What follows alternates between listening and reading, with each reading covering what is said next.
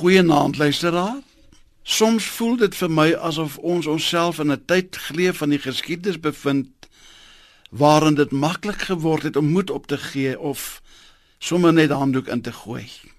Is jy ook dalk vanaand iemand wat moed opgegee het vir 'n universiteitskursus, 'n huwelik, 'n nuwe werk en sommer net moedeloos is vir die lewe?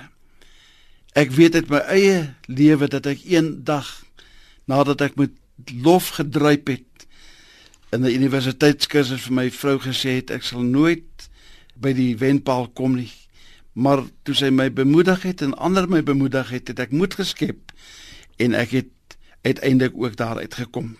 Daar word baie gedebatteer in die sielkundige wêreld oor aangeleerde hulpeloosheid teenoor bemeesteringsgeoriënteerdheid.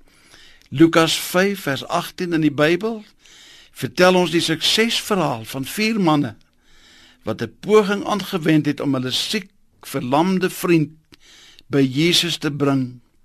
Hulle probeerslag het in 'n groot getuienis geëindig.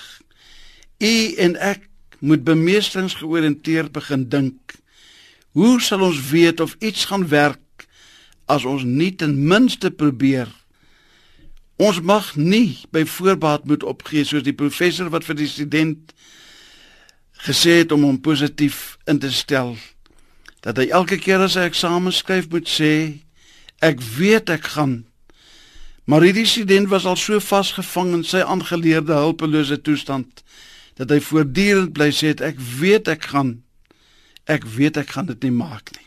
Die groot wetenskaplike wat die elektriese lig uitgevind het Thomas Edison is op 'n stadium deur sy kritisie ontmoedig dat hulle spottend vir hom gevra het wat hy nou eintlik dink hy besig is om te doen nadat hy 7000 keer onsuksesvol probeer het en dit nie gewerk het nie. Sy antwoord aan hulle was die merkwaardige woorde: Ek is nou 7000 keer nader aan die antwoord as toe ek begin het.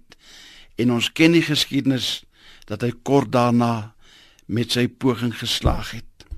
Luisteraar, kom, u en ek raak bemeester georiënteerd.